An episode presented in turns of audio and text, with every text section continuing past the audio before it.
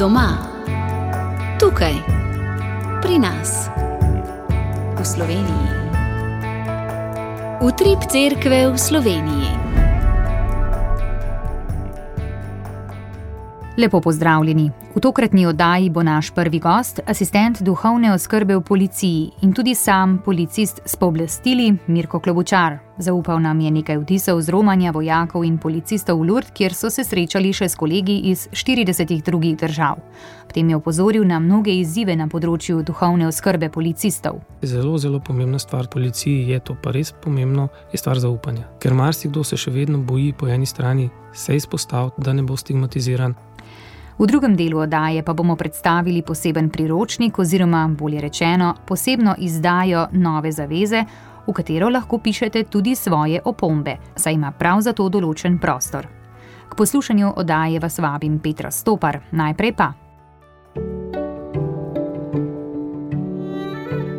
Radijska oznanila. Svetniki v tem tednu. Jutri goduje Dezider Željko Mučenec, Leon Rostovski Škof, Servul Socerb Tržaški Mučenec. V torek Marija pomočnica kristjanov, Marija pomagaj, Dagmar kraljica. V sredo Beda častitljivi cerkveni učitelj, Gregor VII in Urban I papeža. Marija Magdalena Depači, devica. V četrtek Filip Neri, duhovnik, Godon Opat, Lambert Škof. V četrtek bo praznik gospodovega nebohoda. V petek Alojzi Grozde, mučenec, Augustin Šanterburijski Škof, Evtropi Škof, Juli mučenec. V soboto German Pariški škof, Just Španski škof, William Akvitanski menih. V nedeljo Maksim Emonski škof, Maksim Trierski škof, Teodozija Mučenka. Prihodnja nedelja bo sedma velikonočna. V današnjem gospodovem dnevu. Danes ob 15. bo v Župniji nova crkva pritrkovalsko srečanje za Mariborsko metropolijo. Ponedeljek. Jutri, v torek in sredo bodo prošnji dnevi, s katerimi še posebej goreče prosimo za blagoslov stvarstva, našega dela in življenja. Jutri zvečer bo na Brezjah praznovanje večera slovenskih krčanskih izročil in vigilije praznika Marije Pomagaj.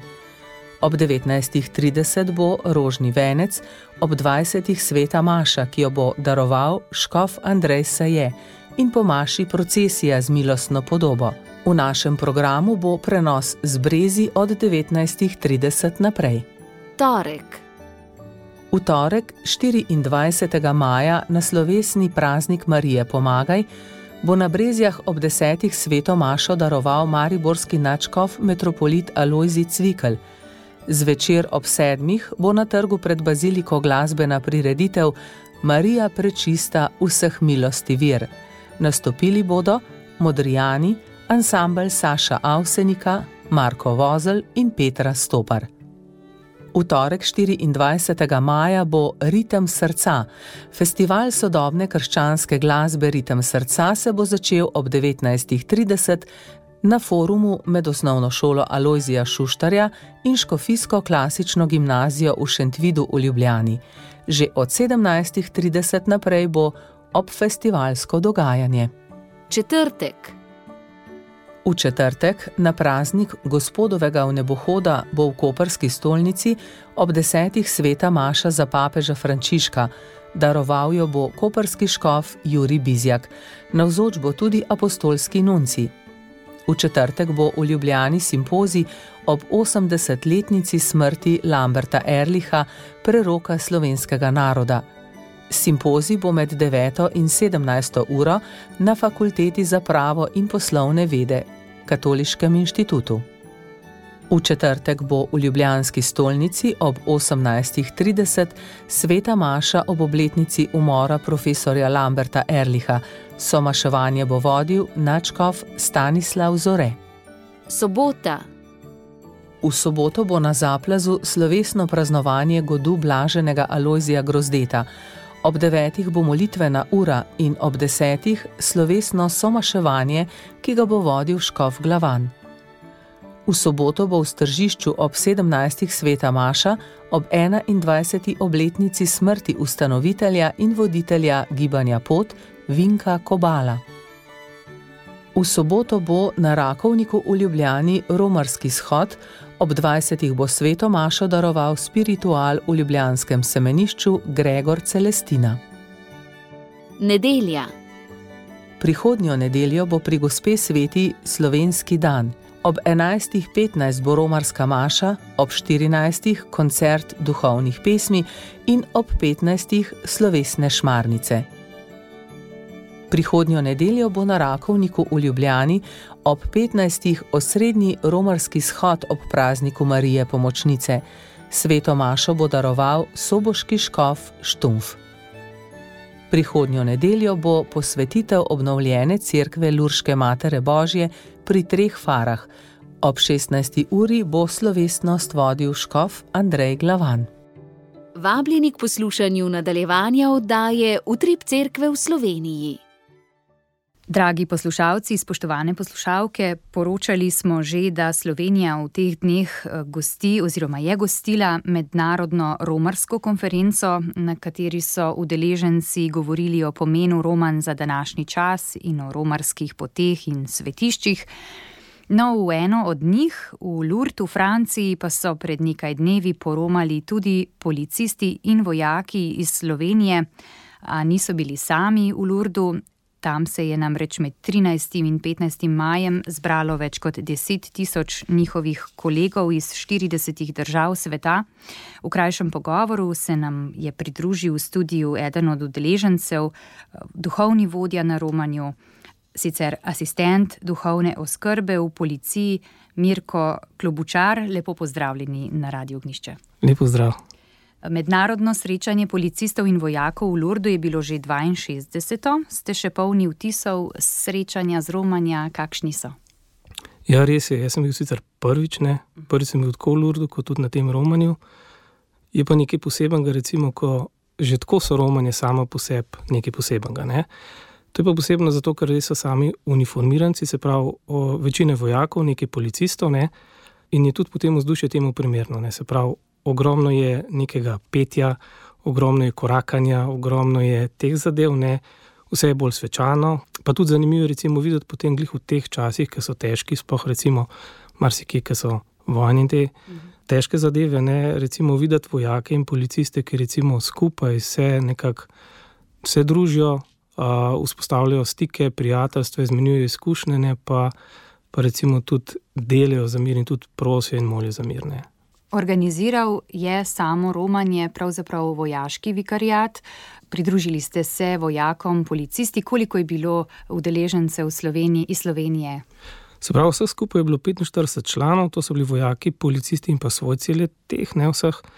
Kar se tiče pa naše male skupine, nas je bilo pa sedem. Ne?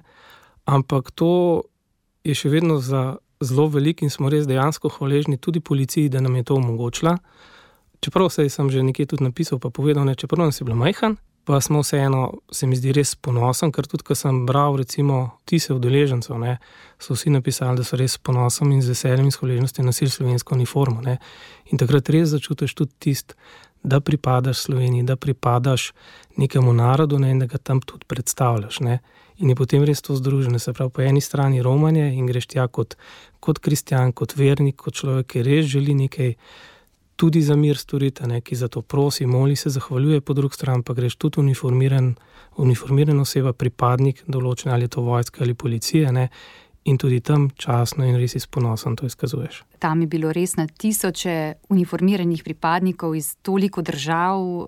Kakšen je bil vaš namen tudi mogoče vaša želja, želja vaših kolegov tam v Lurdu, da bi pustili svoj pečat, da bi tudi za svojo dušo nekaj naredili? Ja, mislim, da je nekako, če bi lahko rekel, tako, kar sem rekel, da je dvojno, se pravi, si romarane že tako in potem pa še uniformirana oseba.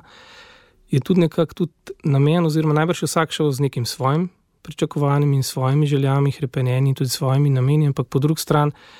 Uh, jaz osebno vem, da sem šel recimo kot dromar, ne, sprav, in se zahvaliti za vse, kar sem, kar prijemam, ne, in tudi prositi, po drugi strani pa tudi kot uniformiranc oziroma policist, tudi prositi za vse policiste, ne, se zahvaliti za vse, kar prijemamo in za tudi to možnost delovanja, ki jo imamo. Se pravi, se mi zdi, da vsak je šel recimo z nekimi čisto svojimi osebnimi nameni, po drugi strani pa res uh, s to željo, da bi res tudi za mir prosili, se zahvalili, se trudili vzpostavljati povezave, stike ne, z drugimi vojskami in policijami in tudi tukaj iskali možne načine in sodelovanje in izboljšanje situacije, ki so po svetu. Ste se srečevali torej tudi z drugimi predstavniki drugih držav, kaj se je dogajalo?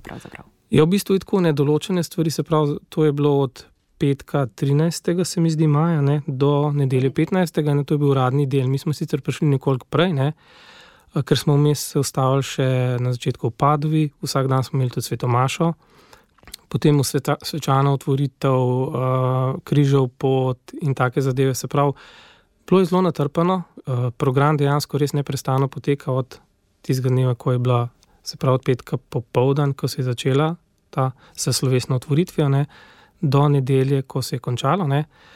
Bilo je skozi nekaj dogajalo, skozi bila dinamika. Recimo potem tudi, kaj ta formalni oziroma radni del proti večeru, ne pa veliko druženja, pa pogovarjanja, pa, pa petja in tako naprej. Ne. Je bilo veliko teh, ki so bili prvič, kaj so povedali, kakšni so bili njihovi vtisi? Ja, večina, sploh od policistov, mislim, da samo eden je bil že, ostali pa vsi prvič. In mogoče, če tlele manj sabo, recimo, preberem samo kratko, recimo, je napisal recimo Andrej.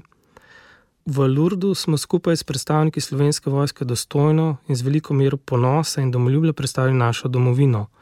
Kljub majhnosti našega kontingenta smo v družbi 40 delegacij začutili pripadnost eni sami veliki svetovni družini, ki se v Lurdi vsako leto srečuje z namenom po zagotavljanju medsebojnega miru in graditvi prijateljskih vezi. Se pravi, ne vem, vtisi vseh, ki jih berem, recimo, oziroma ki sem se pogovarjal, ne so popolnoma drugačni, kot so mogoče pričakovali, ker nišče ni pričakoval take odprtosti, toliko enega, po eni strani življenja, po drugi strani toliko uniformiranih oseb na enem mestu, ki dejansko res se trudijo za mir, ker res nekaj probejo narediti, ker res se povezujejo, ker res gradijo neke odnose, prijateljske. Ne? In tudi to potem vzdušje, ne? to, kar se te tam dotakne, neseš potem sabo domov. Ja. Policijsko delo je pa res zelo stresno, zelo naporno. In vsaka taka stvar, recimo, ki policista vsaj za nekaj časa, recimo po eni strani ga mečkan odmakne od situacije, nekaj ima skozi službo in tako naprej, po drugi strani pa da lahko vse tisto ima tudi čas, da mogoče malo predela, da po drugi strani tudi nekam odloži. Ne, in se mi zdi, da so romani idealni za to. In konec koncev tudi naše delo, naše poslanstvo, duhovno skrb po policiji ne, je ravno temu namenjeno. Se pravi, čisto v osnovi neki razbremenilni pogovori, ki omogočajo, da nekdo potem tisto, kar se mu nalaga, ne, da potem nekako odloži in gre lažje naprej. In se mi zdi, da zato so bile tudi uh, vtisi vseh, tudi ne pričakovati, tudi z moje strani, nam reko presenetljivi, ampak res močni, čustveni in zelo lepi. No. Pa še to se mi zdi, tudi to moram povedati, da sodelovanje slovensko vojsko je bilo zelo dobro, organizacija, recimo uh, namestnik uh, vojaškega vikarja. Milan Pregal je zelo dobro vse zorganiziral ne? in tudi povezovanje z njimi, sodelovanje pod samatja in nazaj, romanje tam, uh, uh, je bilo zelo, zelo dobro. Res se mi zdi, da smo tudi z, z njimi vzpostavili tako res dobre prijateljske vezine in upam, no, in mislim, da bo tudi za naprej za sodelovanje možno, ne tudi na tem nivoju. Ne? In ko grejo pa še družine. Ne? Je pa to spet še ena taka stvar, ki povezuje, ne, ki naredi vzdušje. Recimo, ker nekdo je bil tudi z otroci, gor, ne, manjšimi, in jaz sem pripričan, da že za njih, ker že za me je bila to neka strašno močna izkušnja, za njih pa še toliko bolj seveda ne morem mimo vprašanja tudi, kako v teh časih pravzaprav deluje duhovna oskrba v policiji, kaj zaznamuje vaše delo v vikarijatu, gospod Klobučar, kako uh, se spopadate z izzivi duhovnih potreb ljudi, ki so v tem zelo pomembnem in odgovornem poklicu. Ja, res je izziv je ogromno. Uh, ker je, kot so že prej rekla, delo je res stresno, težko, naporno. Uh, trenutno smo v policijskem vikariatu, oziroma duhovni skrbi v policiji, smo zaposleni trije, se pravi, vsi trije smo tudi policisti, imamo pooblastila. Uh, vsi trije smo posvečeni, s tem, da Igor Rep je vikar, Jona Janes Vene je menih in je cistercijan, jaz sem pa stalni diakon. Tako da um, drugače pa res tisto osnovna, temeljna naloga je po eni strani se pravi približati se policistom in s tem namenom smo v, v tem času, ne, uh, je še vedno ogromno tega mreženja oziroma prihajati na policijske postaje, predstaviti nas kot osebe, po drugi strani pa predvsem naše delo in pa spet uh, slišati oziroma videti, recimo, katere so tiste problematike ali v nekem kraju ali na konkretni policijski postaji in potem pa tudi pri posamezniki, s katerimi se srečujemo. Ne? In potem iz tega pa pride večkrat do tega, da nas nekdo pokliče, navežemo stike, prehajamo k njim domov, pa nas je zelo, zelo pomembna stvar to, ker v policiji je to pa res pomembno, je stvar zaupanja. Ker marsikdo se še vedno boji po eni strani se izpostaviti, da ne bo stigmatiziran, povedati za svoje probleme. Ne? Uh, in doskrat moramo ravno s tem namenom prihajati in povedati, da je zaupano, mislim, da uh, je vse zaupno in da lahko povajo in da to ostane med nami. In na temelju tega se mi zdi potem doskrat prihaja do nekega sodelovanja in se vedno več jih, um, oziroma vedno več policistov uporablja to našo pomoč. Kakšne so vaše pričakovanja, želje za naprej, kot nekoga, ki dela v duhovni skrbi v policiji?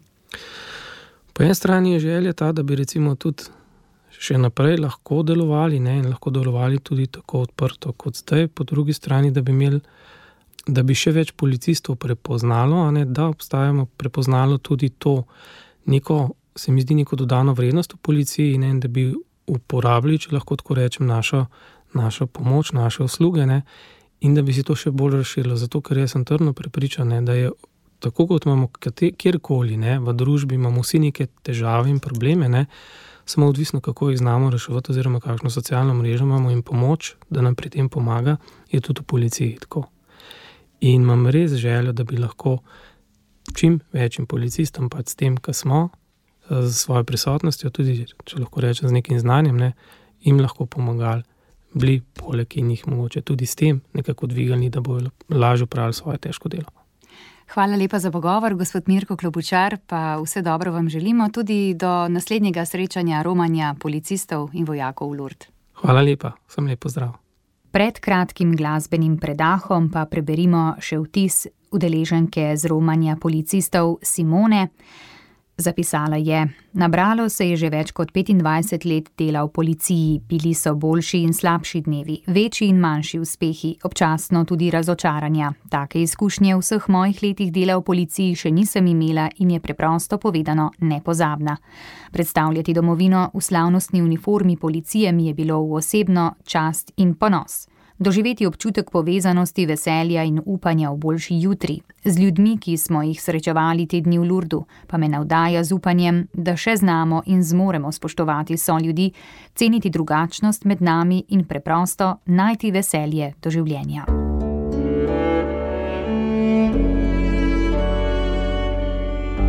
Poslušate podcast Radia Ognišče.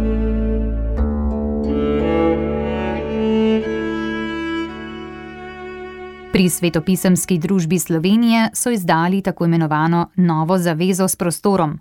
Od zamisli do izvedbe je preteklo kar nekaj časa. Iz izkušnje skupnega branja in podelitve ob božji besedi je dozorela ideja o prilogah in tematskih poteh v novi zavezi, ki odraslemu kristjanu pomagajo poglobiti bistvene temelje naše vere.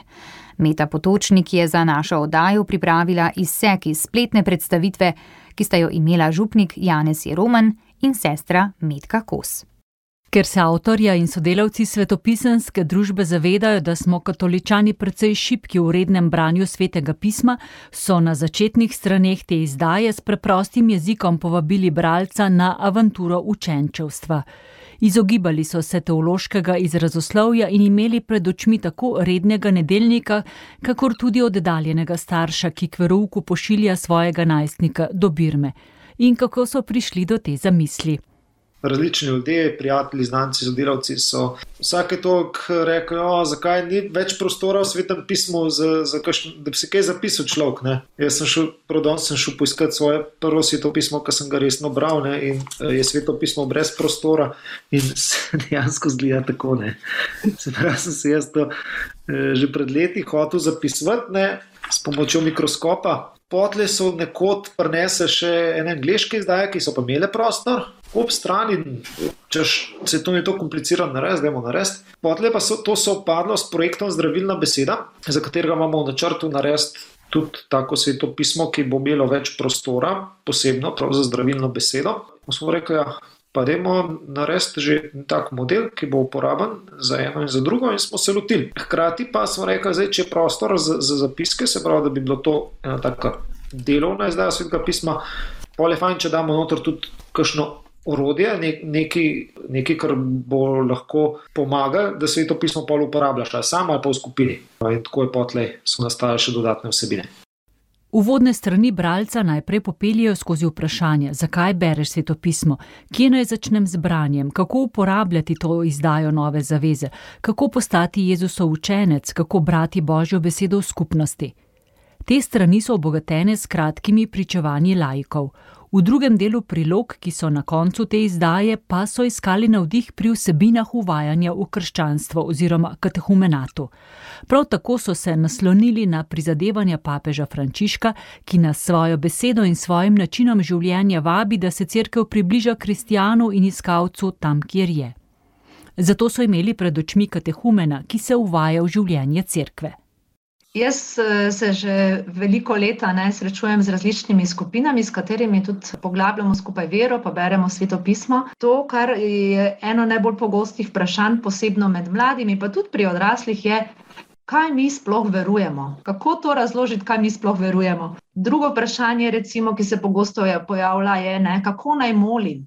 Ko smo, ko smo se tega lotili, vse mi sami točno nismo vedeli, kaj bo z tega rata. Eh, je to kar počasi se rojevalo, ampak to, kar se mi zdi, kar je res, eh, ko smo začeli z Janezom razmišljati, kar je res nama bilo pred očmi, kako pomagati ljudem, da bi poglobili vero preko Božje besede, ker teološki jezik je včasih tako zahteven, da, da večina ljudi reče, da je težko razumeti, kaj mi sploh verujemo. Ne?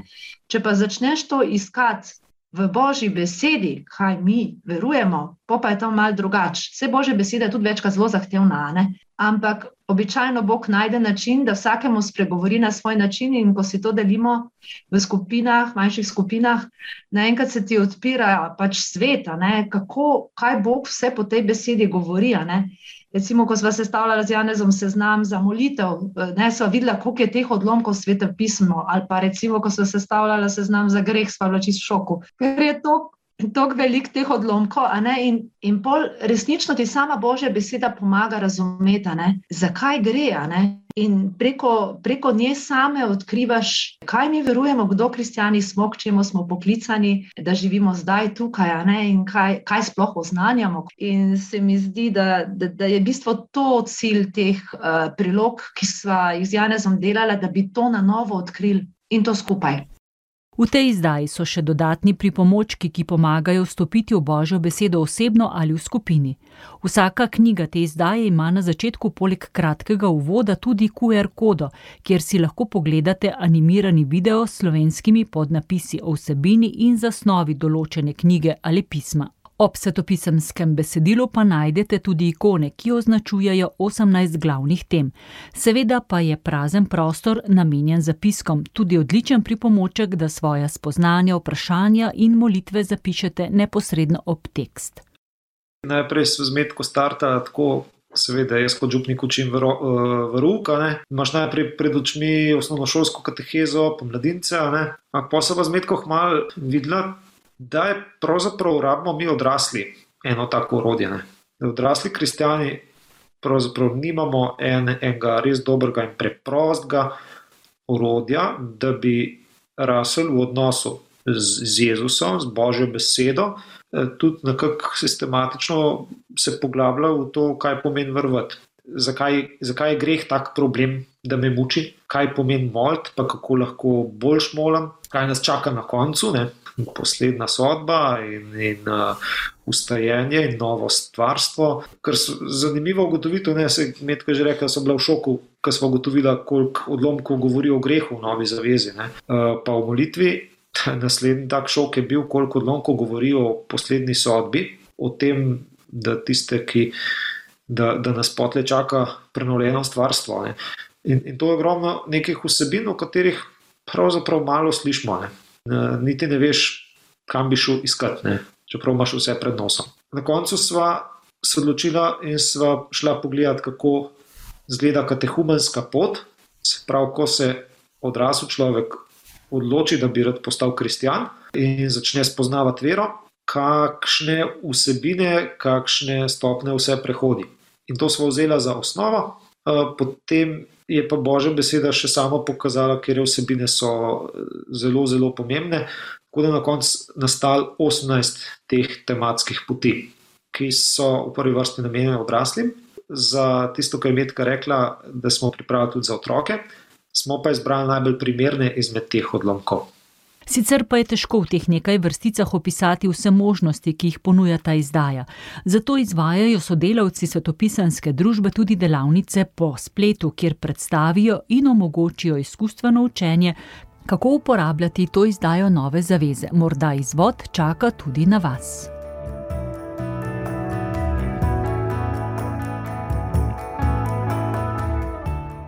Toliko smo za vas pripravili v tem delu dopoledneva, prihodnjo nedeljo pa bomo v Otaji gostili predsednika Slovenske škofovske konference, novomeškega škofa dr. Andreja Sajeta, tudi v luči prihajajočega godu blaženega Loizija Grozdeta. Zato že zdaj vabljeni k spremljanju pogovora. Petra Stopar, ki sem odajo v Trip Cerkve v Sloveniji, pripravila, vam želim lepo nedeljo. Odaja vam je na voljo tudi med podcasti in v našem audio arhivu. Obiščite radio.ognisce.si. Hvala za poslušanje. Podprite brezplačen dostop do naših vsebin in postanite prijatelj Radia Ognišče.